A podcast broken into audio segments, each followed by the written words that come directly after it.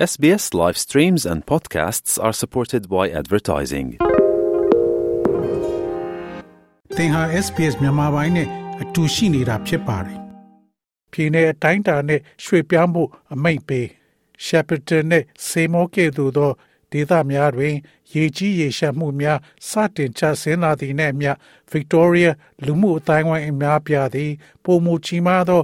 ရေလွှမ်းမိုးမှုအတွက်အားတင်းထားပါသည်။ Echuca, Chuka, Charlton နဲ့ Banbaratha ဒေသတို့အပါအဝင်အရေးပေါ်သတိပေးချက်12ခုထုတ်ပြန်ထားပါတယ်။ Marudna, Killa, Killa West, Allville ကဲ့သို့သော area များတွင် နေထိုင်သူများသည်ထွက်ခွာရန်အချိန်နှောင်းသွားပြီဖြစ်ကြောင်းပြောကြားသတိပေးထားပါတယ်။ Echuca တွင် နေထိုင်သူများသည် Murray မြစ်သည်အင်ဂျီ2000ထိချင်းချောက်မှုနဲ့အတူဒုတိယအကြီးစား ရေလွှမ်းမိုးမှုအတွက်ပြင်ဆင်နေကြရပါတယ်။မနေ့ပြန်တွင် လော်ဒန်မြစ်သည် အထိုးထိပ်သို့ရောက်မည်ဟုခံမှန်းထားသဖြင့်မြို့ကိုနှစ်ပတ်ကြာဖျက်တောက်နိုင်ကြောင်းကီရန်မြို့ခံများအားသတိပေးထားပါတယ်။ဟော်ရှမ်သည်ယနေ့နှောင်းပိုင်းတွင် အထိုးထိပ်သို့ရောက်မည်ဟုခံမှန်းထားပြီးဝမဲရမြစ်သည်လည်းမြင့်မားသောသတိပေးချက်ထုတ်ပြန်ထားပါတယ်။ ဆန္ဒပြပွဲတွေနှိမ်နင်းမှုအတွက်အီရန်တာဝန်ရှိသူတွေကို EU တန်ခတ်အရေးယူအီရန်နိုင်ငံမှာမွတ်စလင်ခေါင်းစည်းပဝါခြုံရမဲ့စီကံကိုတီတီကြကြမလိုက်နာလို့ဆိုပြီးအမျိုးသမီးငယ်တဦးကိုဘာသာရေးရဲတပ်ဖွဲ့ကဖမ်းဆီးထားစဉ်တေဆုံးခဲ့ရမှုအပေါ်စန့်ကျင်ဆန္ဒပြသူတွေကိုအချမ်းဖက်ဖြိုခွဲမှုနဲ့ပတ်သက်ဆက်နွယ်ပြီးပြန်ကြားရေးဝန်ကြီးနဲ့အီရန်ရဲ့ဘာသာရေးတပ်ဖွဲ့ တာဝန်ရှိသူတွေကိုဥရောပသမဂ္ဂ EU ကတနင်္လာနေ့မှာဒဏ်ခတ်ပိတ်ဆို့မှုချမှတ်ခဲ့ပါတယ်။ဘာသာရေးရဲတပ်ဖွဲ့ရဲ့အကြီးအကဲတွေဖြစ်ကြတဲ့မိုဟာမက်ရောစတာမီနဲ့ဟတ်ဂျ်အာမတ်မဇာရီနောက်ပြန်ကြားရေးဝန်ကြီးအစ်ဆာဇာရီပေါ်တို့ပါဝင်လူပုဂ္ဂိုလ်၁၁ဦးရဲ့ပိုင်ဆိုင်မှုတွေကိုလည်း EU ကထိန်းချုပ်လိုက်ပါတယ်။ပြန်ကြားရေးဝန်ကြီး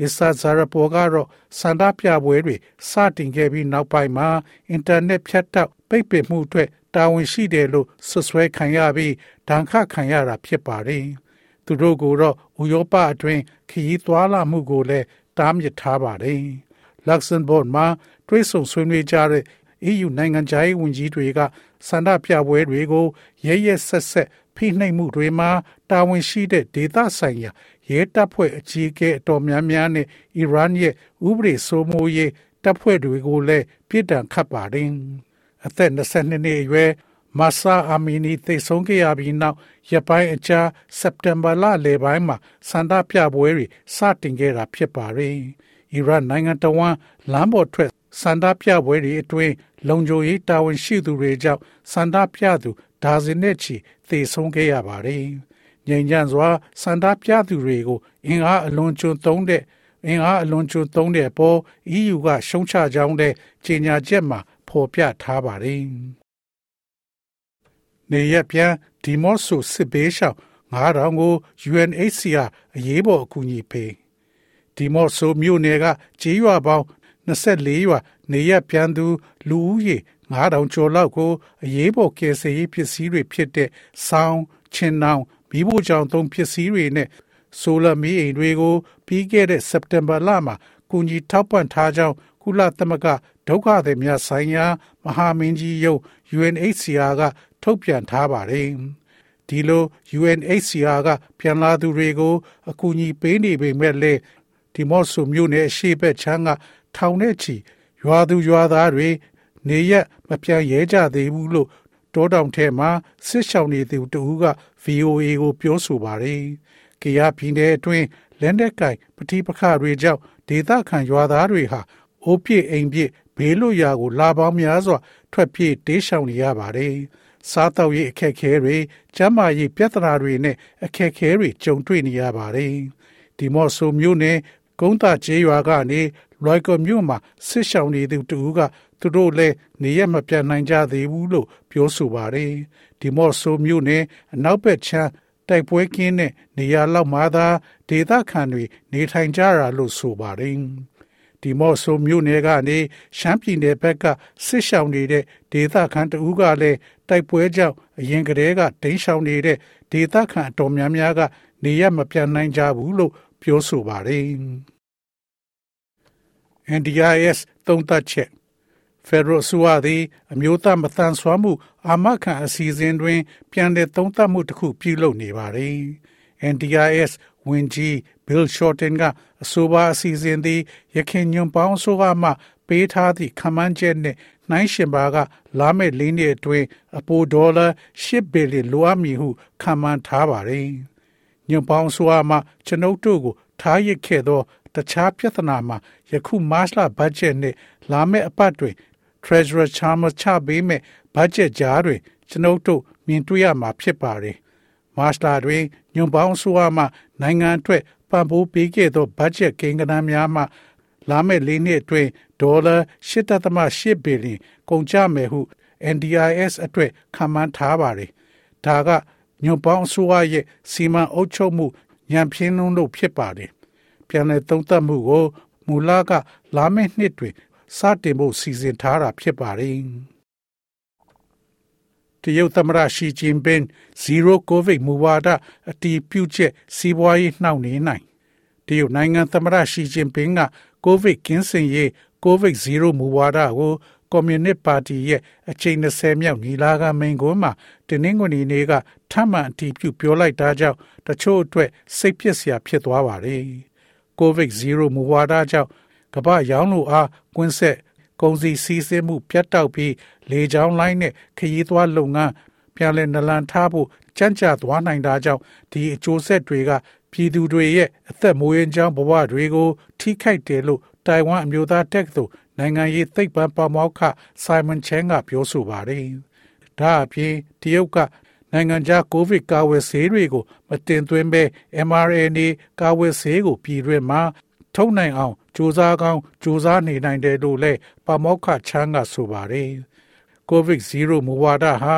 ကိုထုတ်လုပ်ထားတဲ့ကာဝယ်ဆေးပေါ်မယုံကြည်တာကိုလည်းပြသတယ်လို့ဝေဖန်ထားပါတယ်။ COVID-0 မူဝါဒဟာလူတွေရဲ့အသက်ကိုမထိခိုက်ဖို့ဦးစားပေးတာဖြစ်ပါတယ်လို့တရုတ်နိုင်ငံစူချောက်တက္ကသိုလ်ကပမောက္ခနဲ့ဘေဂျင်းအခြေစိုက် Center for China and Globalization ရဲ့ ဒုတိယဥက္ကဋ္ဌ Victor Garo ကဆိုပါတယ်။ကိုဗစ်ကာကွယ်ရာမှာလူတွေကိုကိုဗစ်ဖြစ်ကြပြီးတချို့အသက်ဆုံးပါတာကိုလက်ခံလိုက်ခြင်းအပြင်လူတွေသူ့ဘာသာကိုခံအားရလာတဲ့နီလန်းရှိသလိုကာကွယ်ဆေးအပြင်ကိုခံအားရှိလာအောင်လောက်ရတာလည်းရှိတာကြောင့်ကာကွယ်ဆေးပေါ်အားထားနိုင်မှုအပေါ်မူတည်ပြီး COVID-0 ဝါဒအဖြစ်အစိုးရကလူတွေအသေးပြောက်နေအောင်လုပ်ရတာဖြစ်တယ်လို့သူကပြောသွားပါတယ်။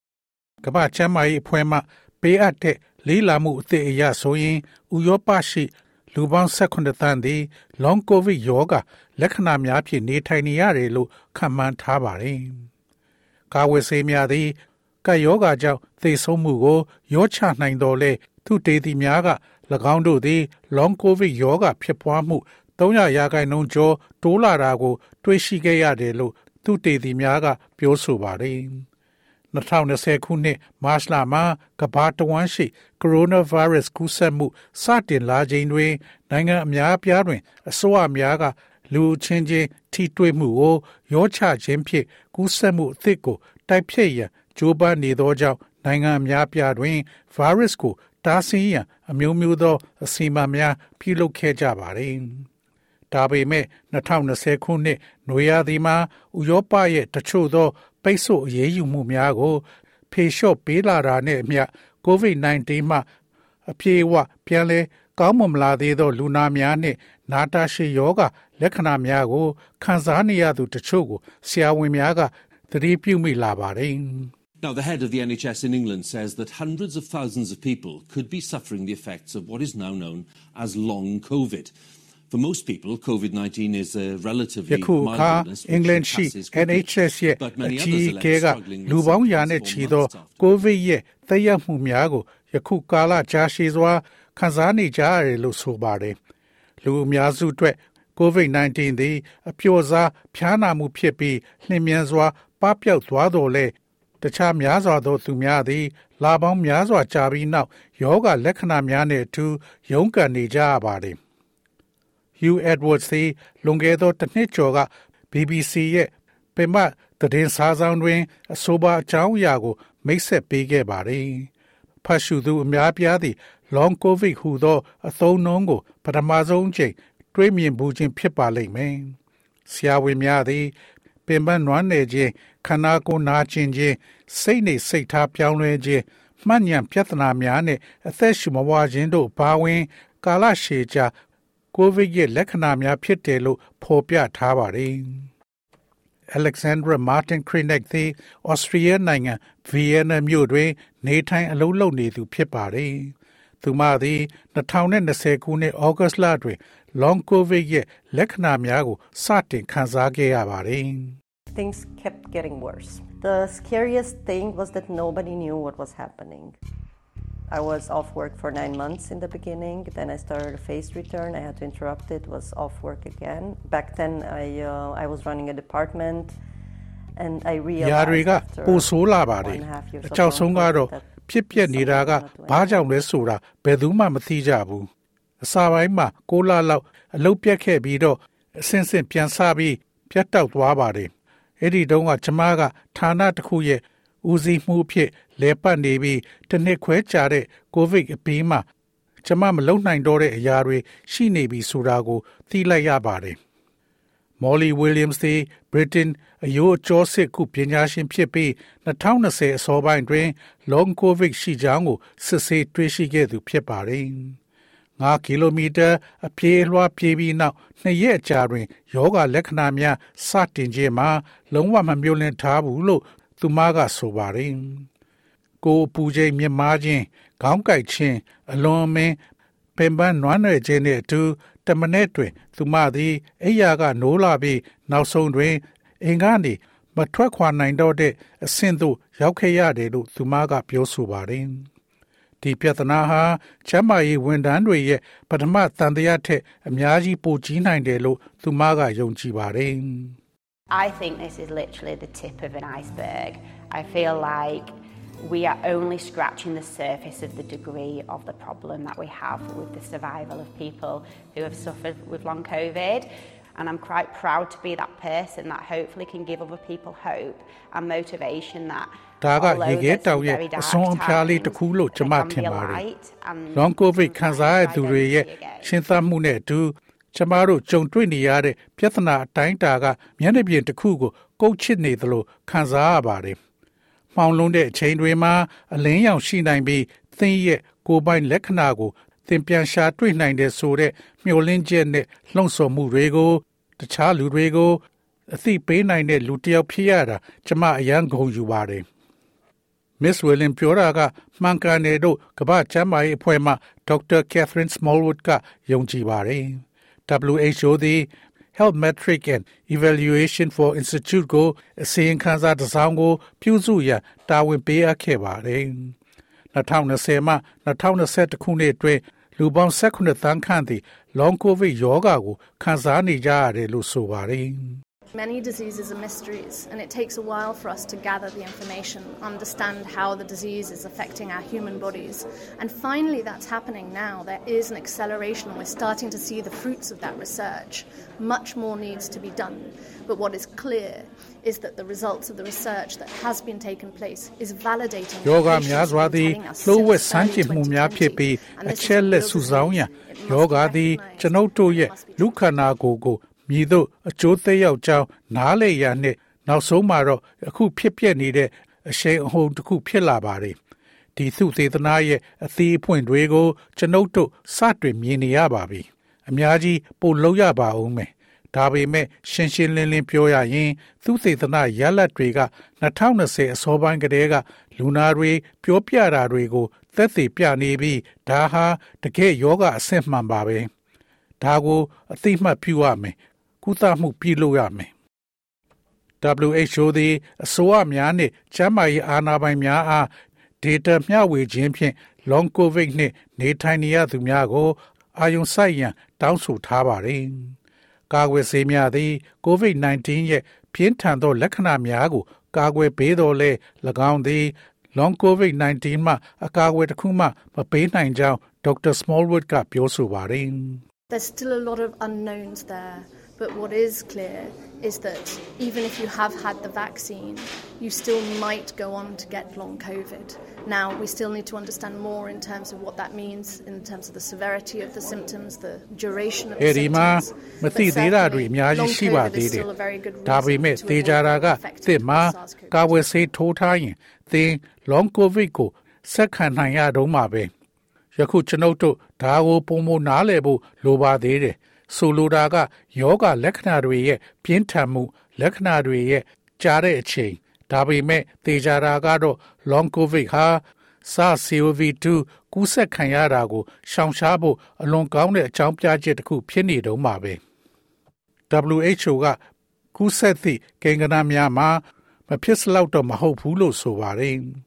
While most people who develop COVID 19 recover fully, it's estimated that 10 to 20% develop a variety of mid and long term effects like COVID-19 fatigue, ဖြစ်လာသူ breathlessness, အများစု and သည် cognitive ပြန် dysfunction. လည်ကောင်းမွန်လာတော့လေ30ကနေ20ရာခိုင်နှုန်းသည်ပင်ပန်းနွမ်းနယ်ခြင်းအသက်ရှူမပွားခြင်းနှင့်မှတ်ညံချိုယွင်းခြင်းကဲ့သို့အလဲအလတ်နှင့်ရေရှည်အကျိုးသက်ရောက်မှုများမျိုးမျိုးရှိလာတယ်လို့ခန့်မှန်းလို့ရပါတယ်။ မဲလ်ဘန်မြို့ရှိ သိပ္ပံပညာရှင်များသည်ပိန်းပုံကစားနည်းကိုပကံခွက်ထဲမှာထည့်ထားတဲ့အုံနောက်ဆဲလ်များကို သင်ကြားပေးခဲ့ပါတယ်။ဒါပေမဲ့ဒါကကျင်းဝစ်တီနဲ့ညီတဲ့ပြုလုပ်တဲ့အရာလားဆိုတာကိုလည်းမေးခွန်းနေထုတ်နေပါတယ်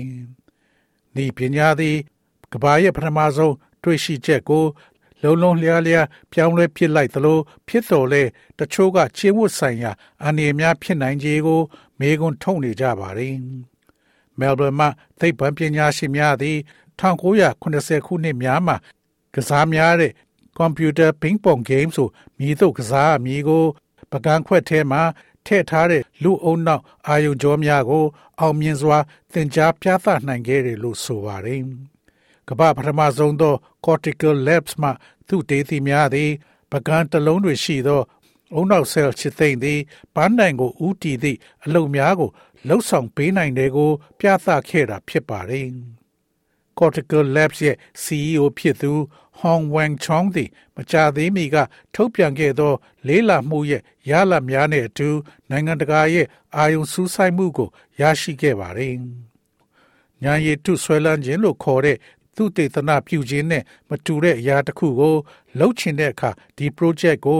2019ခုနှစ်မှာစတင်ခဲ့တာလို့ဆိုပါတယ် Yeah, so I, I think it, uh, it all got started way back in 2019, um, where we were looking for sort of projects to get involved with the, the, the growing artificial intelligence uh, craze. And, uh, you know, there were a lot of projects out there which were sort of deep learning, machine learning based. And um, those were heavily de- dependent on, on data. Um, ဒါ and ကြောင့် so 2019 my နှစ်မှာ co-founder and အ I, စပြု uh, ခဲ့ we တာ looked လို့ at this ကျွန်တော် and we ထင် said, ပါတယ် um, is ကျွန် there ုပ်တို့သည် something that we could do? project အ something မျိုးအစား that များကို was ရှာဖွေနေပြီး not ကြီးထွားလာသောညာရည်တုကိုဆွဲလန်းမှုမှာပါဝင်နိုင်ရန်နည်းနည်းသောသင်ယူမှုဆက်သင်ယူမှုအခြေခံနှင့် data အပေါ်အလွန်အမင်းမိခိုနေရသော project များစွာရှိတယ်ဆိုတာကိုသင်သိပါလားဒီလိုနဲ့ကျွန်တော်တို့ရဲ့ပူးတွဲတီထောင်သူနဲ့ ကျွန်တော်ဒါကိုကြည့်ပြီးတော့ကျွန်တော်တို့လုံနိုင်တာတခြားတစ်ခုရှိသလားလို့မေးမြန်းကြည့်ပါတယ်နေရလက်ထဲမှာလဲပါနေတယ်လို့ကျွန်တော်ထင်ပါတယ်ဒါပေမဲ့ဓာတ်ရိုက်ရှင်ပြိုင်တာတော့မဟုတ်ပါဘူး project ကိုတဘာဝကလှုံ့ဆော်ခဲ့တာဖြစ်ပါတယ်အထူးသဖြင့်ရင်ကောင်တွေကလှုံ့ဆော်ခဲ့တာဖြစ်ပါတယ်ရင်ကောင်များသည် neutron အ ਨੇ စုဖြစ်ပင် drone များထက်ဉာဏ်ရည်ပိုမြင့်သောအဆင့်တွင်လှုပ်ဆောင်နိုင်တယ်လို့ဆိုပါတယ် if you look at, you know, even a fly and how it navigates the world with only 100,000 neurons or so, um, it's incredible, right? Because those buggers are pretty hard to kill. Um, they they make their way through a very dangerous world, find food, reproduce, and the cycle continues, all sipping milli microwatts of, of energy. So we looked at it and we said, okay, so you have something that has exhibited ဒါကြောင့်စေစော်မှုမှာတဘာဝတွင်စူးစမ်းမှုတစ်ခုမှအမှန်တကယ်ရယူလာခဲ့ခြင်းဖြစ်ပြီးသင်ကြည့်လိုက်ရင်ရင်ကောင်းတစ်ကောင်သည်အာယုံကျော်တသိမ်းမြတာရှိသောကဘာကြီးကိုမြည်သို့ကျွမ်းကျင်စွာသွာလာနေသလဲကိုသင်သိလိုပါတယ်။ဘာလို့လဲဆိုတော့ဒီပိုးတွေကိုသတ်ဖို့ကအတော်လေးခက်ခဲပါတယ်။သူတို့သည်အလွန်အန္တရာယ်များသောကဘာကို ဖြတ်ကျောကအစာရှာဖွေခြင်းမျိုးပွားခြင်းနဲ့စွမ်းအင်မီလီမိုက်ခရိုဝတ်ကိုအသုံးပြုပြီးလဲပတ်နေတာပါအဲ့ဒါကိုကြည့်ပြီးကျွန်တော်တို့က okay ဒီတော့မင်းမှာအထွေထွေဉာဏ်ရည်ကို ပြထားတဲ့အရာတစ်ခုရှိတယ်ဆိုတော့လက်တွေ့ကဘာမှာလဲပတ်နိုင်တဲ့စွမ်းရည်ရှိမှာပါကျွန်ုပ်တို့လက်ရှိရရှိထားသော power ထက်သီးသီးသားသားနည်းသော power ကိုအသုံးပြုတာတစ်ခုပါ အဲ့ဒါတစ်ခုခုကိုဘာလို့မဆောင်နိုင်ရမှာလဲ Monash တက္ကသိုလ်ရှိ Turner Institute for Brain and Mental Health မှတွဲဘက်ပါမောက္ခ Adil Razil ကခက်ခဲသောအပိုင်းမှာအာယုံကြောများကိုလျှက်စစ်ရောင်ခြည်များနဲ့ချိတ်ဆက်ပေးခြင်းဖြစ်ကြောင်းပြောဆိုပါတယ် So we could grow um, human neurons using stem cell technology. So that's that's uh, uh, uh, easier part of it, I guess, uh, to grow neurons in a dish. Um, we actually grow both human neurons and also separately the mouse neurons. Um, but then the, uh, the difficult part was, and the new part was this, that they, uh, they we dropped them onto a um, microelectrode array, uh, an array of electrical um, sensors, and uh, yeah, and then connected the whole thing uh, to a to a game of pong. ဒါကြောင့်ပင်မဆဲလ်နီးပညာကိုအသုံးပြုပြီးလူသားတွေရဲ့ nutrient တွေကိုစိုက်ပျိုးနိုင်ပါတယ်။အဲ့ဒါကပကံတစ်ခုထဲမှာ nutrient အသစ်တွေတိုးပွားလာဖို့အစိတ်ပိုင်းတစ်ခုလို့ကျွန်တော်ထင်ပါတယ်။ကျွန်တော်တို့ဟာအမှန်တကယ်မှာလူသား nutrient များနဲ့ကြွက်ငယ် nutrient များကိုသိကြစီကြီးထွားလာစေခဲ့တာပါ။ဒါပေမဲ့အဲ့ဒီတုန်းကအပိုင်းသစ်တစ်ခုကတော့လျှက်စစ်အာယုံခံရောင်ခြည်ကို micro electrode ရောင်ခြည်ထဲကိုလွှတ်ချလိုက်တာဖြစ်ပါတယ်။ဟုတ်ပါတယ်။ပြီးတော့အရာအလုံးကိုဘင်းပုံဂိမ်းတစ်ခုနဲ့ချိတ်ဆက်ပေးလိုက်ပါတယ်။ပြီးတော့အဲ့ဒီလျှက်စစ်လှိုင်းတွေကဘုံလုံးကဘယ်မှာရှိနိုင်တယ်ဆိုတာကို nutrient တွေကို ပြောပြပါတယ်။ပြီးတော့မိနစ်အနည်းငယ်အကြာမှာတော့ nutrient တွေကသင်ယူဖို့စီယုံဖို့ကိုရက်တွေကိုဖွဲ့ပြီး game ကိုစကစားခဲ့ပါတယ်။ Mr. Razima neutron များသည်သန့်စင်သောဆက်သိယူမှုနည်းပညာထက်ပုံမမြန်ဆန်သောစွမ်းဆောင်ရည်ဖြင့်လှုပ်ဆောင်တယ်လို့ပြောကြားပါတယ်။ဆေးရုပ်တွေရဲ့ဉာဏ်ရည်ဉာဏ်သွေးကို တိုးတက်ကောင်းမွန်စေဖို့အတွက်ဇီဝဗေဒကိုဆက်နဲ့ပေါင်းစပ်ဖို့အသုံးပြုနိုင်တယ်လို့သူကပြောဆိုပါတယ်။ So the idea is just that the future computing devices will be will be collaborating with us. It's not like uh, nowadays computers which are which are made of passive components like transistors and we tell them what to do. So the whole idea is this that this is a new device which can uh, a prototype of a neural computer which can actually uh, you know, uh, which has the actual neural bio- which has actual synthetic biological intelligence. So we are creating devices out of out of active materials that we actually collaborate with them. ဒါကြောင့်အနာဂတ်မှာကွန်ပျူတာဆက်ပစ္စည်းများသည်ကျွန်ုပ်တို့နဲ့ပူးပေါင်းလှုပ်ဆောင်နိုင်မယ်လို့စိတ်ကူးထားပြီး၎င်းသည်ယခုအခါ transistor ကဲ့သို့သောဤပညာဆိုင်ရာ အစိတ်ပိုင်းများဖြင့်ပြုလုပ်ထားတဲ့မြန်ဆန်သောကွန်ပျူတာများနဲ့မတူတော့ဘဲ၎င်းတို့ကိုဘာလို့ရမလဲကို ပြောပြခြင်းဖြစ်ပါတယ်အယူဆတစ်ခုလုံးဟာ၎င်းသည် အမှန်တကယ်ပေါင်းစပ်နိုင်သောဇီဝဆိုင်ရာ ဉာဏ်ရည်ဉာဏ်သွေးဖြစ်သည့်အာယုံကြောကွန်ပျူတာရဲ့ရှေ့ပြေးပုံစံတစ်ခုဖြစ်ပါတယ်။ဒါကြောင့်ကျွန်ုပ်တို့သည်၎င်းတို့နှင့်အမှန်တကယ်ပူးပေါင်းလှုပ်ဆောင်နိုင်တဲ့တက်ကြွသောပစ္စည်းများမှဆက်ပစ္စည်းများကိုဖန်တီးနေပါတယ်။သူတို့ကိုဘာလုပ်ရမလဲဆိုတာကျွန်တော်တို့အတိအကျမပြောပါဘူး။ဒါပေမဲ့သူတို့နဲ့ပူးပေါင်းဖို့ကြိုးစားတယ်။ပြီးရင်ဘာလုပ်ရမလဲဆိုတာသူတို့ကိုတွေးကြည့်စေပါတယ်။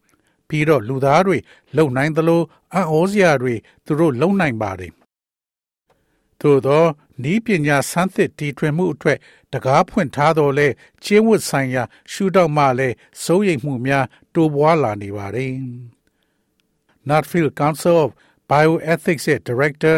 Daniel Ham က BBC အားအသိစိတ်ဆိုင်ရာမေးခွန်းများကိုထည့်သွင်းစဉ်းစားရမယ်လို့ပြောဆိုပါတယ်။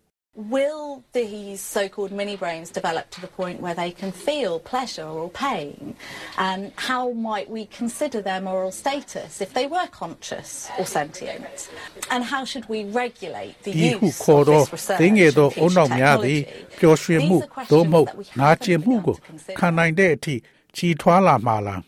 အသိစိတ်သို့မဟုတ်အာယုံခံစားရပါက၎င်းတို့ရဲ့ကိုကျင့်တရားအဆင့်တန်းကိုကျွန်ုပ်တို့မြည်သို့သုံးသပ်နိုင်မလဲဤသုသေသနာနှင့်အနာဂတ်နည်းပညာအသုံးပြုမှုကို ကျွန်ုပ်တို့ဘလို့ထိမ့်သိမ့်သင့်တယ်လဲဒါတွေကကျွန်တော်တို့စပြီးမစင်စားရသေးတဲ့မိကွန်းတွေဖြစ်ပါတယ် cortical labs မှာပြောကြားတွင်အဆိုပါနည်းပညာသည် အုံနောက်ပေါ်ရှိဆေးဝါးများရဲ့အကျိုးသက်ရောက်မှုကိုစမ်းသပ်တဲ့အခါမှာလဲ တော်လံပြောင်းလဲလိမ့်မှာဖြစ်ကြောင်းပြောကြားခဲ့ပါတယ်။ဩစတြေးလျအရှေ့ပိုင်းဒေသများမှာလက်ရှိပြန့်မြမိုးရေချိန်တဲ့မြင့်မားနေသဖြင့်ရေကြီးလေရှိသောဒေသများအနီးတွင်သတိထားကြရန်ပညာရှင်များကသတိပေးနေပါတယ်။အဲ့ဒီထဲကတချို့အဓိကအချက်လက်များကတော့ကားတစ်စင်းဟာရေထဲမှာလွင့်မျောသွားဖို့အတွက်ရေ15စင်တီမီတာသာလိုအပ်တဲ့အတွက် ရေကြီးတဲ့ချိန်မှာရေထဲမှာဘယ်တော့မှဖြတ်မမောင်းပါနဲ့တစ်သုံးနှစ်ငါးသုံးညသုံးညတွင် အကူအညီရယူရန်သင်ပြည်နယ်အရေးပေါ်ဝန်ဆောင်မှု SCS သို့ဖုန်းခေါ်ဆိုပါသင်အသက်အန္တရာယ်ချစ်ချင်းကြားရောက်ပါက000ကိုခေါ်ဆိုပါမိုးလေဝသဌာနသို့မဟုတ် BOM သည်ပြန့်မြတ်မိုးရွာသွန်းမှုထက်ရာသီဥတုအခြေအနေကြောင့်မျိုးဆောက်ဝေးအရှေ့ပိုင်းအများစုအတွက် ရေကြီးမှုသတိပေးချက်အများပြားကို ထုတ်ပြန်ခဲ့ပါတယ်။ Alliance မှတွေးရှိချက်များအရဩစတြေးလျနိုင်ငံများသည်အသိပညာနယ်ပါခြင်းကြောင့်ရေလွှမ်းမိုးမှုအတွက်အသင့်ပြင်ထားတဲ့သလောက်အဆင်သင့်မရှိကြောင်းပြသနေတယ်လို့ဆိုပါတယ်။အာမခံကမ္ပဏီများရဲ့အမျိုးသားအရေးဆိုမှုမန်နေဂျာမာအိုကော်နယ်ကဝန်နေစရာကောင်းစီမှာမိုတိုင်းနဲ့ရေလွှမ်းမိုးမှုရာသီသည်ဩစတြေးလျတွင် ပြီးခဲ့သောနှစ်တွင် နေအိမ်များပျက်စီးဆုံးရှုံးမှုဒေါ်လာ1.4ဘီလီယံထိရှိခဲ့တယ်လို့ဆိုပါတယ်။သူကကြိုတင်စီစဉ်ထားပါအရေးပေါ်အတွက်ပြင်ဆင်ထားကြပါလို့ဆိုပါတယ်။ဟိုကော်နာကသင်အိမ်နီးနားချင်းများနဲ့ဒေသဆိုင်ရာအရေးပေါ်အကူအညီပေးရေးအေဂျင်စီများနဲ့စကားပြောခြင်းဖြင့်သူသေသနာပြုလုပ်ရန်အကြံပြုထားပါတယ်။ သင်အာမခံ policy ကိုနှစ်စဉ်စစ်ဆေးပြီးသင်မိသားစုနှင့်မျှဝေထားသည့်အိမ်အရေးပေါ်အစီအစဉ်တစ်ခုကိုရေးဆွဲကြရန်အကြံပြုထားပါတယ်။ရှေးဦးသူနာပြုစုနေရေနဲ့အစားအသောက်အထောက်ပံ့များနှင့် portable charger ကရိယာဖြင့်အရေးပေါ်အထုပ်တစ်ခုကိုပြင်ဆင်ထားပါသင်အိမ်သည်ရေလွှမ်းမိုးနိုင်ပွဲရှိကြောင်းသိပါကသင်ရဲ့တမိုးရှိပစ္စည်းအလုံးကို မြင်မာသောမြေပေါ်တွင်သယ်ဆောင်ခြင်းကဲ့သို့ကြိုတင်ပြင်ဆင်မှုများပြုလုပ်ရန်အကြံပြုထားတော်လဲအကောင်းဆုံးကြိုတင်ကာကွယ်မှုမှာရေကြီးသည့်ရှိသောနေရာတွင် မနေကြရန်ဖြစ်ပါသည် Victoria State Emergency Services Vic SCS ရဲ့လက်ထောက်အရာရှိ David Barker ကလူများအားမြည်သောမှုရေကြီးမှုအခြေအနေများတွင် ရေးပေါ်ကိရိယာတပ်ဆင်ရန်တိုက်တွန်းထားပါတယ်။ ဘေးဥပါတစ်ခုအတွက်သင်အိမ်ကိုမြည်သို့ပြင်ဆင်ရမည်ဆိုသည့်အချက်လက်ကိုသင် local SCS website တွင် တွေ့ရှိနိုင်ပါတယ်။ဘေကမှလည်းသင်အိမ်သားနှင့်ရေကြီးလာသောအခါရေစိုးမြောင်းများကို အမိုက်များသို့မဟုတ်သဲများပြည့်နေတဲ့ဈေးဝယ်အိတ်ဖြင့်ပိတ်ဆို့ထားရန်အကြံပြုထားပါတယ်။အကယ်၍သင်သည်ဘေးလွတ်ရာသို့ထွက်ခွာရန်လိုအပ်ပါကသင်မထွက်ခွာမီ လမ်းကြောင်းကိုစီစဉ်ပြီးတခြားလမ်းကြောင်းများကိုလည်းရှာဖွေပါ။သို့မှသာသင်ခီးအဆုံးသို့အန္တရာယ်ကင်းစွာ ရောက်ရှိနိုင်မှာဖြစ်ပါတယ်။ရေကြီးနေတဲ့အချိန်မှာတတ်နိုင်သမျှစောစောထွက်တာကအမြဲတမ်းပိုလုံခြုံပါတယ်။ရေမြုပ်နေသောလမ်းများပေါ်တွင် ကားမမောင်းပါနဲ့။လက်တပြက်ရေရှမ်းမှုများလျင်မြန်စွာ ဖြစ်ပေါ်နိုင်သဖြင့်မိုးသည်သီးထန်စွာရွာသွန်းပါက ရေရင်ပိုင်းမှ ကားကိုဖြတ်ကျော်မောင်းနှင်းခြင်းမပြုရန်ဘေကာကသတိပေးထားပါတယ်။ရေကြီးချိန်မှာကားမောင်းခြင်းသည်သေဆုံးရခြင်းရဲ့အဓိကအကြောင်းရင်းဖြစ်ပါတယ်။ကဲ၍သင်သည် ပြင်းထန်စွာမိုးရွာချလိုက်တဲ့နေရာမှာမိနေပါကဘေကင်သောနေရာသို့ဆွဲတင်ခြင်းသို့မဟုတ်မြင်မာသောကုန်းပေါ်သို့တက်ခြင်းဟာအကောင်းဆုံးဖြစ်တယ်လို့ဆိုပါတယ်။သင်ကားထဲမှမထွက်နိုင်တော့ပါကချက်ချင်းအကူအညီအတွက်ဖုန်းခေါ်ရန် လိုအပ်ပါတယ်။ဒါကပြင်းထန်သောအရေးပေါ်အခြေအနေဖြစ်လာတဲ့အချိန်မှာဖြစ်ပါတယ်။ Australia Royal Life Saving Society မှအမျိုးသားသုသေသနမန်နေဂျာ Stacy Pidgeon ကလမ်းသွားလမ်းလာများသည်မိသည့်အခြေအနေမျိုးတွင်မဆိုရေကြီးရေရှမ်းမှုထဲသို့မဝင်ရောက်ရန်ရှောက်ရှားသင့်ကြောင်းပြောကြားပါတယ်။အကယ်၍သင်သည် ရေကြီးရေရှမ်းမှုတွင်နင်းမြုပ်နေပြီး မထွက်ခွာနိုင်ပါက၎င်းသည် အသက်အန္တရာယ်ရှိသောအခြေအနေဖြစ်လာကသင်ရှာတွေ့နိုင်သည့်အလုံးစုံဆုံးအမြင့်နေရာတွင် ခိုးလုံနေထိုင်ရန်လိုအပ်ပြီး000ကိုလှမ်းဖုံးဆက်ရမှာဖြစ်ပါတယ်။မြင့်တက်လာသောရေသည် နေအိမ်များကို အဆက်အသွယ်ဖြတ်တောက်လာခြင်းလျှက်စစ်မီးပြတ်တောက်ခြင်းမိန်လာရေမြောင်းများပြတ်တောက်ခြင်းနှင့်အခြားသောပံ့ပိုးမှုအင်္ဂါရပ်များကိုပျက်စီးစေနိုင်ပါတယ်။ တင်မထွက်ခွာနိုင်တော့လေသန့်စင်သောရေများရှိနေသေးပါကကွန်တိန်နာများကိုအဲ့ဒီရေချိုဖြင့်ဖြည့်ဆည်းပါရေခဲတစ်တာထဲမှာတင်စီထားသော အစားအစာအများစုသည်လျှက်စစ်တအားဆုံးရှုံးသွားပါကစားသုံးရန်မသင့်တော်တဲ့အကြောင်းကိုသတိပြုရအရေးကြီးပါတယ်။ရေကြီးရေရှားမှုများကြောင့်အထီးကျန်ဖြစ်နေပါကအဲ့ဒီနေရာက ထွက်ခွာသွားရန်မကြိုးစားပါနဲ့။အကူကြီးကို စောင့်ဆိုင်တာထက်ပို၍အန္တရာယ်ရှိနိုင်ပါတယ်။ရေလွှမ်းမိုးတဲ့နေရာမှာသင်ပိတ်မိနေပါက ရေစီးချောင်းနဲ့အတူ မျောပြီးလိုက်ပါသွားပါ။သင်အကူကြီးလိုသည်ကိုညွန်ပြရန်သင်လက်ကိုမြှောက်ထားပါ။ရေထဲမှာသင်ကောင်းမနှင်းမြုပ်ရန်အတွက်သင်ကြောပေါ်မှာမျောနေပါ။အစကီဘောလုံးသို့မဟုတ်ဘူဂီဘော့ကဲ့သို့သော လွင်မျောနေသောအရာတစ်ခုကိုကင်ထားပါထို့အပြင်လူများစွာသည်တခြားလူများကိုကယ်တင်ရန်ကြိုးပမ်းရာမှာရေနှင့်သေဆုံးသွားတဲ့ကဲ့သို့တစုံတဦးကိုရေထဲသို့ကြားရောက်သွားပါကကယ်တင်ရန်မကြိုးစားရန်အရေးကြီးပါတယ်။သင်လုံနိုင်တာအကောင်းဆုံးကအရေးပေါ်ဝန်ဆောင်မှုကို ဖုန်းဖြင့်ဆက်သွယ်ပြီးခေါ်ယူပါ။ထိုလူကို ရေထက်တွင်ထားရန်ရေမမြုပ်နိုင်သော မျောပါလာသောအရာများကို ပြစ်ချခြင်းဖြင့် သင်ကူညီနိုင်ပါတယ်။ရေပေါ်ခြေနေမှာလူသားရဲ့အသက်သည်အမြဲတမ်းပထမဖြစ်သင့်တယ်လို့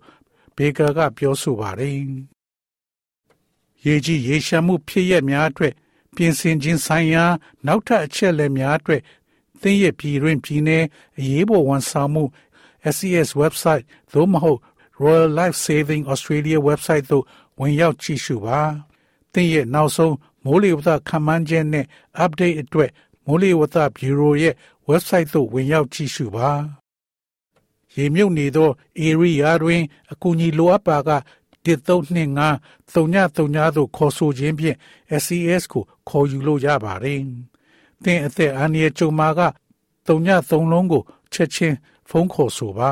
။မိမိဘာသာစကားဖြင့်ပံ့ပိုးနိုင်မှုအတွက်အမျိုးသားဘာသာပြန်နှင့်ဘာသာပြန်ဝန်ဆောင်မှု13 14 53ညကိုဖုန်းခေါ်ဆိုပြီးသင်ရွေးချယ်သတ်မှတ်ထားသော agency ကိုမေးမြန်းလို့ရပါတယ်။ဩစတြေးလျတဝမ်းမှရေးပေါ်အခြေအနေများအကြောင်းနောက်ဆုံးရအချက်လက်များအတွက်သင်နှင့်သင်ပိုင်ဆိုင်မှုကို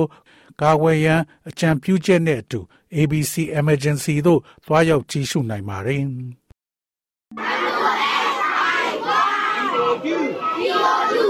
Why do? Why do? Why are you you? Why are you? Why do you? Why do you? စိတ်ရှောင်စခန်းတစ်ခုရဲ့စတင်ခန်းတွေကကလေးငယ်တွေရဲ့စာအန်တန်တွေပါကိုဗစ်ကာလနဲ့စစ်အာဏာသိမ်းကာလနှစ်ခုပေါင်းနှစ်နှစ်ကျော်လောက်ဒီလိုစာသင်ခန်းနဲ့ဝေကွာခဲ့ရတဲ့ကလေးတွေအတွက်ပညာရေးဟာရတဲ့အနေနဲ့ဖြည့်ဆည်းနေရတဲ့အနေအထားကိုရောက်လွန်နေပါတယ်။ဂျွန်လာမတိုင်ခင်အခုလိုချိန်ဟာအရင်ကဆိုចောင်းသားတွေအတွက်မိဘတွေရဲ့ပြင်ဆင်ချိန်ဆိုလဲမမာပါဘူး အခုချိန်မှာတော့စစ်ကောင်စီလက်အောက်ကျောင်းတွေမှာပညာသင်ကြားဖို့ဆိုတာမိဘတွေအတွက်ဝေခွဲမရဆုံးဖြတ်ရခက်နေတဲ့အနေအထားမှာရှိလို့နေပါတယ်ဒီလိုဝေခွဲရခတ်နေတဲ့တဲမှာရန်ကုန်မြို့နေမူလာတန်းအရွယ်သားငယ်တူရဲ့မိခင်ဖြစ်သူမတ်နွယ်နီလည်းပါဝင်ပါတယ်။သူ့အပါအဝင်မိဘတွေကြုံတွေ့နေရတဲ့လက်ရှိအခက်အခဲနဲ့ပတ်သက်ပြီးမတ်နွယ်နီကအခုလိုပြောပါတယ် အဲ့တက်ရမလားမတက်ရမလားဒီရင်လိုလေပြင်ဆင်မှုတွေကလေဟိုရင်ဆိုရင်ကြောင်းတက်ရမယ်ဆိုရင်ငါးလပိုင်းလာစမ်းကလေးဟာဟွာဝဲစားဝဲကလေးတွေအင်းကြီးဝဲစားဘောင်းမီဖက်နဲ့အကုန်ဝဲအခုဆိုရင်ဘာမှပြင်ဆင်ပြီးပြင်ဆင်ထားတာမရှိသေးဘူးတချို့ဆိုပြောတယ်ကျောင်းတော့သွားထားလိုက်မယ်တဲ့ကျောင်းသွားမတက်ဘူးတဲ့အဲ့လိုတော့ပြောတာနောက်ပြီးတော့အဲ့ဒီတချို့မိဘတွေဆိုရင်သူ့ကလေးကကိုဗစ်ဖြစ်တဲ့အချိန်မှာသူကသူငယ်တန်းတက်ကမှာ KG ပေါ့ KG တက်ရမှာအခုချိန်ကြီးမထားရသေးသူ့ကလေးကအခုနှစ်နှစ်သုံးနှစ်ဖြစ်သွားပြီဆိုတော့ရှင်းနှစ်ဖြစ်သွားပြီရှင်းနှစ်မှာကလေးကတည်းမှမရသေးတဲ့အတွက်သူတို့လည်းထားရမလားမထားရမလားလို့မျိုးစဉ်းစားနေရပါတော့အာနာသိန်းစစ်ကောင်စီကစာတင်ကျောင်းတွေမှာကျောင်းအနှံကာလကိုအခုလလာမယ့်26ကနေဇွန်လ1ရက်အထိသတ်မှတ်ထားပါတယ်။ဇွန်လ2ရက်မှာတော့ကျောင်းတွေပြန်ဖွင့်မယ်လို့တရားဝင်ကြေညာထားတာပါ။ ကျောင်းသားမိဘတွေအနေနဲ့တော့စစ်ကောင်စီလက်အောက်ကအစိုးရကျောင်းတွေမှာမထားဖို့ဆုံးဖြတ်ထားသူတွေများသလိုအတန်းကျောင်းနဲ့ဝေးကွာတဲ့ကာလပိုကြလာမှဆိုလို့မနစ်ကမထားခဲ့ပေမဲ့ဒီလာမဲ့ကျောင်းဖွင့်ရသည်မှာထားဖို့ဆုံးဖြတ်ထားသူတွေလည်းတွေ့ရပါတယ်။လက်ရှိချိန်မှာတော့အမျိုးသားညီညွတ်ရေးအစိုးရအန်ယူဂျီကဂျားကာလာပညာသင်ကြားရေးအစီအစဉ်ကိုလှုပ်ဆောင်နေပါတယ်။ NUG စိုးမိုးထားတဲ့နေမြေတွေမှာတော့ CDM ဆရာဆရာမတွေပါဝင်တဲ့ຫນွေဦးစာသင်ခန်းတွေကိုမြို့နယ်အလိုက်ပအဖအဖွဲ့တွေကဦးစီးဖွင့်လှစ်တင်ကြားနေသလိုအွန်လိုင်းပညာရေးတွေကိုလည်းလှုပ်ဆောင်နေတာတွေရှိပါတယ်။စစ်ကောင်စီကလည်းအခြေခံပညာက CDM ဆရာဆရာမတွေကိုပြန်လည်တာဝန်ထမ်းဆောင်ဖို့အခုမေလလယ်လောက်ကခေါ်စာထုတ်ပြန်ခဲ့ပြီးပညာရေးကဏ္ဍကိုလက်ပတ်နိုင်ဖို့ပြင်ဆင်နေပါတယ်။ ဒါပေမဲ့ CDM ဆရာဆရာမတွေကတော့ကြားကာလပညာရေးနဲ့ကလေးတွေကိုအတက်ပညာတက်မြောက်မှုအတွက်ဦးစားပေးဖို့ကိုသာလှုံ့ဆော်နေကြတာပါလက်ရှိအခြေထိတော့ဂျားကာလာပညာရေးမှာကလေးအလုံးပါဝင်နိုင်ဖို့လိုအပ်ချက်တွေရှိနေသေးတယ်လို့ပြောလာသူကတော့အခုနှစ်ကစပြီးစတင်ကြားနိုင်မှုလှုပ်ဆောင်နေတဲ့ AR Federal School အကြံပေးဆရာဦးဖြိုးဝေအောင်ပါ အားလုံးလက်လန်းနေတဲ့ပညာ all inclusive ကတော့ဘယ်တော့မှမဖြစ်ခဲ့ဘူးပေါ့နော်အားလုံးလက်လှမ်းမီတဲ့အနေအထားမျိုးဖြစ်နိုင်ဖို့တော့လက်ရှိအချိန်အနေအထားနဲ့ကမလွယ်ကူနိုင်ဘူးပေါ့နော်။အဲ့တော့ကျနော်တို့ကကလေးတွေပညာသင်ကြားရေးအတွက်ကိုစစ်ကောင်စီကကျောင်းဖွင့်မယ့်ကိစ္စမှာကျနော်တို့ဒီဘက်ကတော်လှန်ရေးအင်အားစုတွေကနေပြီးတော့မှဒီကျောင်းတွေကိုအသီးသီးဖွင့်ပြီးတော့မှဘယ်လိုပြောမလဲကလေးတွေရဲ့ပညာသင်ကြားရေးကိုအခြေခံကျောင်းသားတွေများလာဖို့နောက်အခြေခံကျောင်းသားကျောင်းသူတွေပညာဒီဘက်ကအခြေခံဆရာဆရာမတွေကနေတဆင့်ပညာသင်ကြားပေးရေးပေါ့အဲ့ဒါတွေကတဆင့်ကျနော်တို့လုပ်ဆောင်နိုင်စွမ်းရှိသလောက် လုပ်ဆောင်နေတယ်ပေါ့နော်။ဒါပေမဲ့တစ်ခုရှိတာကတော့ all inclusive ကတော့ဘယ်လိုမှတော့အရင်ခေတ်အဆက်ဆက်တော့တခါမှတော့မဖြစ်ခဲ့တဲ့အနေအထားမျိုးတော့ရှိတယ်ပေါ့နော်။ဘယ်လိုပဲဖြစ်ဖြစ်ကျနော်တို့ကတော့ဒီစစ်ကောင်စီနဲ့အပြိုင်ပေါ့နော်ဒီဘက်က CDM ပညာသင်ကြားရေးဒီဘက်တော်လှန်ရေးအင်အားစုတွေကနေပြီးတော့ပညာသင်ကြားပေးနေတဲ့ကျောင်းတွေပေါ့နော်။ကျောင်းတွေကြားကလည်း online school တွေများများပေါ်ထွက်လာဖို့ပဲကျနော်တို့ကတော့ကြိုးစားရမှာဖြစ်တယ်ပေါ့နော် အနေနဲ့အရရက်ကိုရောက်ရှိနေတဲ့ CDN ဆရာဆရာမတွေဟာအန်ယူဂျီနဲ့လက်တွဲလှုပ်ဆောင်တာမျိုးတွေမကပဲဒေတာအကြီးအကဲတွေနဲ့ပူးပေါင်းပြီးကိုတူကိုဒပညာရေးအတွက်လှုပ်ဆောင်နေတာတွေလည်းရှိပါတယ်။ကရင်ပြည်နယ်အတွင်းကစစ်ရှောင်းစခန်းတွေမှာဆိုစတင်အရွယ်ကလေးငယ်တိုင်းပညာသင်ကြားနိုင်ရေးအတွက်လှုပ်ဆောင်နေကြပါတယ်။ တောင်ရင်းမြစ်ကမ်းတွေမှာရှိတဲ့စစ်ရှောင်းစခန်းတစ်ခုမှာတော့ကလေးဥယေ250အတွက်စာသင်ခန်းတွေစောက်ပြီးကလေးတွေရဲ့စိတ်သက်ကြံ့ခိုင်ရေးနဲ့မဖြစ်မနေတက်မြောက်ထားတဲ့အင်္ဂလိပ်စာတင်ချာမြန်မာစာတိုင်းရင်းသားဘာသာဂီတနဲ့ပကြီးစတာတွေကိုသင်ကြားပေးနေပါတယ်။အဲ့ဒီလိုသင်ကြားပေးတဲ့အခါကြုံတွေ့နေရတဲ့စိန်ခေါ်မှုတွေနဲ့ပတ်သက်ပြီးဆီယာမကြောက်တာနွယ်သစင်လိုင်းကအခုလိုဆိုပါတယ်။ အခက်ခဲကလေကလေးတွေကကြောင်းနဲ့တအားဝေးကွာသွားတယ်ဝေးကွာသွားတဲ့အချိန်မှာကြောင်းစိတ်နေသွားတယ်ပြီးတဲ့အခါကျစားဆိုရင် အဲသူတို့မတိတော့ဘူးပေါ့နော်ပြောရမယ်ဆိုလို့ရှိရင်အဲ့လိုမျိုးပြန်ပြီးတော့ဟိုလစ်လာမှတ်သားဖို့အဲကိုကိုကိုတိုင်းပြန်ပြီးတော့လက်ကျင့်ဖို့ဒါတွေကအလေးကျင့်နေလေမရှိတော့တော့ဖြစ်သွားတယ်ပေါ့နော်အဲပြီးတော့စာတွေပေါ့အခြေခံသူတို့သိရမယ့်အရာလေးတွေသိမလာတာရှိတယ်အဲပြီးတော့အခုတော့ဟိုသူတို့ရဲ့ဟိုအာဟာရဘိုင်းပေါ့စားရေးတောက်ရေးနဲ့အဲကျန်းမာရေးကတော့ဒီမှာထိုက်တင်သလားတော့ရှိနေပြီမဲ့ပေါ့နော်ဟိုနေ့လဲစာလို့မျိုးပေါ့အဲကလေးတွေကိုအဲမူချိုအရွယ်ဆိုမူချိုအရွယ်ပေါ့အဲဒါလေးတွေထားပြီးတော့ဖြစ်စွမ်းပေးနိုင်ရင်လည်းပို့ပြီးတော့အဆင်ပြေတယ်အဲပြီးတဲ့ခါကျရင်ဒီလိုပေါ့အခုဒီမှာဆိုရင်ကလေးတချို့ကကြတော့သူတို့ဟိုအလုတ်ထွက်လောက်တာရှိတယ်ကွာတရက်ကို150ရလို့ဆိုပြီးတော့အဲအဲ့လိုမျိုးမဖြစ်ရလေအောင်ပေါ့နော်ဟိုလိုအပ်တဲ့ basic needs လေးတွေကိုပေါ့နော်ထောက်ပံ့ပေးနိုင်မယ်ဆိုလို့ရှိရင်တော့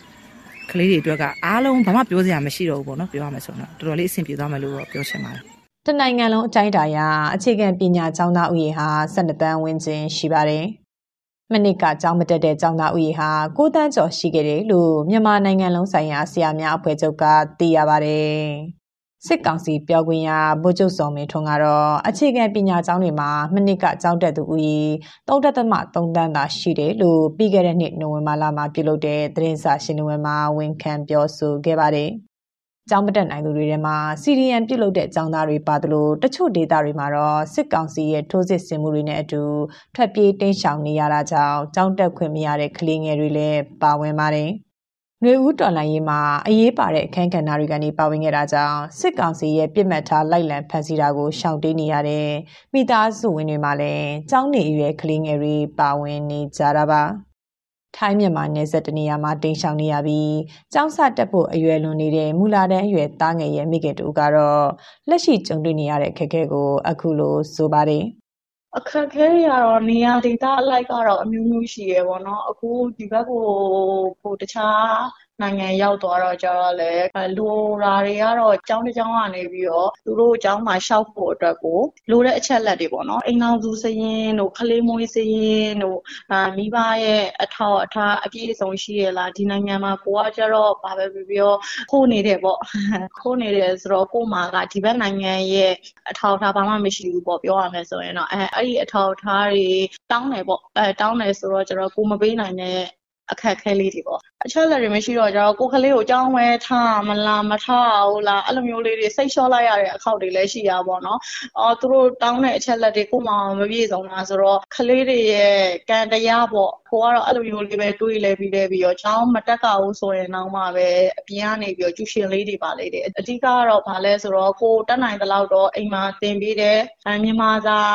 အဲအင်္ဂလိပ်စာသင်ချာအဲ့လောက်ကလေးတွေကတော့ကိုကလေးကိုကိုသင်ပေးရပါတော့ NUG အနေနဲ့ကြားကာလဖက်ဒရယ်ပညာရေးကိုလှုပ်ဆောင်နေရမှာနိုင်ငံအဝန်းကမြို့နယ်တွေမှာလွှတ်တော်ကိုယ်စားလှယ်တွေပြည်သူ့အုပ်ချုပ်ရေးအဖွဲ့တွေနဲ့ CDN ဆရာဆရာမတွေပါဝင်တဲ့ပညာရေးပုတ်အဖွဲ့တွေဖွဲ့စည်းထားတယ်လို့သိရပါတယ်။ online ကနေသင် ကြားခြင်းနဲ့နေမြေတွေမှာသင် ကြားခြင်းဆိုပြီးပုံစံနှမျိုးနဲ့လှုပ်ဆောင်နေတာပါ။ လက်ရှိ online ပညာရေးအတွက်တော့ပြည်တွင်းမှာရှိတဲ့ကလေးတွေအနေနဲ့အင်တာနက်လိုင်းမကောင်းတာဖုန်းပေအခက်ခဲဤပညာအခက်ခဲတွေကိုရင်ဆိုင်နေကြရတာပါဒါအပြင်နေအိမ်ဗဟုပြုပညာသင်ကြားရေးမှာလည်းငွေကြေးတက်နိုင်မှုရာလူတိုင်းပါဝင်နိုင်မှုအနေအထားမှာမရှိဖြစ်လို့နေပါတယ်ဒီလိုအခြေအနေတွေကိုဖြေရှင်းဖို့ဆိုရင်ပူးပေါင်းလှုပ်ဆောင်မှုတွေကအရေးကြီးတယ်လို့ NUG ပညာရေးအစီအစဉ်မှာပါဝင်လှုပ်ဆောင်နေသူလည်းဖြစ်တဲ့ပညာရေးကျွမ်းကျင်သူဒေါက်တာဖိုင်ဟိုကဆိုပါတယ်။ ရှိနေတဲ့အနေအထားကနေပိုကောင်းတဲ့အနေအထားတစ်ခုရောက်အောင်ပြည်သူတွေအားလုံးတော့စီရီယံလောက်ထားတဲ့ဆရာဆရာမတွေ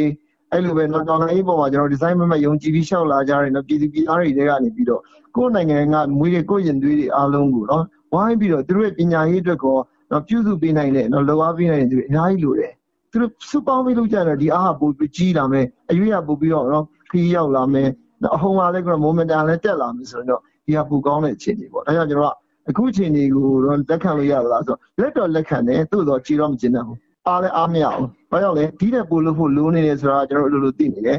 ဆိုတော့အဲ့ဒီအားလုံးကိုတော့ကျွန်တော်ကနိုင်ငံသားတဦးချင်းမှာအဲ့အသည့်တွေအားလုံးကိုချိတ်ဆက်မယ်အလုပ်တွေအားလုံးပူးပေါင်းရင်ချစ်တည်းရဲ့ပူကောင်းတဲ့အရေးရပြီးနိုင်ငံသားရဲ့ပညာရေးကားကြီးတွေပညာရေးခံစားဝင်တိုးမှာပဲတိုးလာမှာပဲ ကလေးတွေရဲ့ပညာရေးအတွက် NUG ကရော CDM ဆရာဆရာမတွေပါဝင်အဖွဲ့အစည်းတွေကပါလှုပ်ဆောင်နေတာတွေရှိပေမဲ့မြေပြင်မှာကိုတူကိုဒလှုပ်ဆောင်နေရသူတွေတက်တော့အခက်ခဲတွေရင်ဆိုင်နေရစေပါ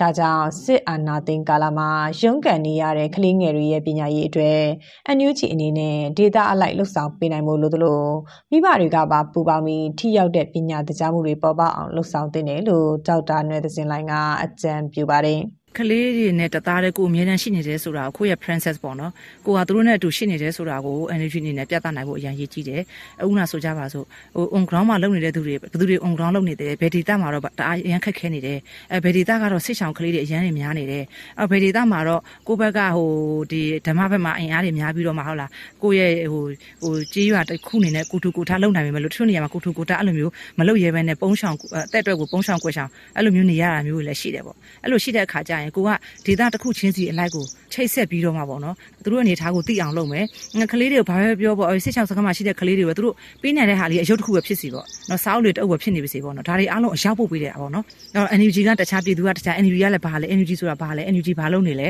NUG ပညာရေးတွေဘာတွေလုပ်နေလဲဆိုတာကိုအဲသိဖို့လိုတယ်ပေါ့ online education နဲ့အဆင်ပြေနေတာ online education online နဲ့ education နဲ့အဆင်မပြေလို့ကိုယ့်ကို set depend ဖြစ်နေရတဲ့အဲလူတွေ on ground မှာအဆင်မပြေတာဘာတွေရှိနေလဲအဲဒါတွေကိုပေါ့နော်ဒီလမ်းလေးရှာပြီးတော့မှချိတ်ဆက်ပြီးတော့မှဆောင်ရွက်စီချင်တယ်ပြီးခဲ့တဲ့နှစ်ဖေဖော်ဝါရီလကတည်းကစစ်အာဏာရှင်လက်အောက်ကိုကြာရောက်ခဲ့ရတဲ့မြန်မာနိုင်ငံကကျောင်းနေအရွယ်ကလေးတွေအတွက်တော့စာသင်ကြားခွင့်နဲ့မကပဲ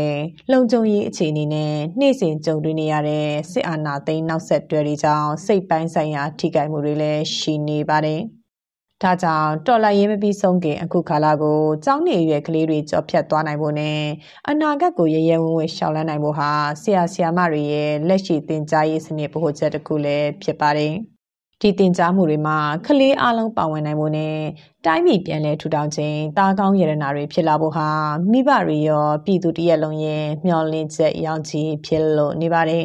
။ဒီသတင်းဆောင်မကိုတန်လွင်ခက်ကပေးပို့ထားတာဖြစ်ပါတယ်။ဒါမျိုးသတင်းဆောင်မတွေကိုပိုနားဆင်လိုပါလား Apple Podcast Google Podcast Spotify တို့မှာသင်ပင်ရာဖြစ်ဖြစ်ရယူတဲ့ podcast ကနေပါ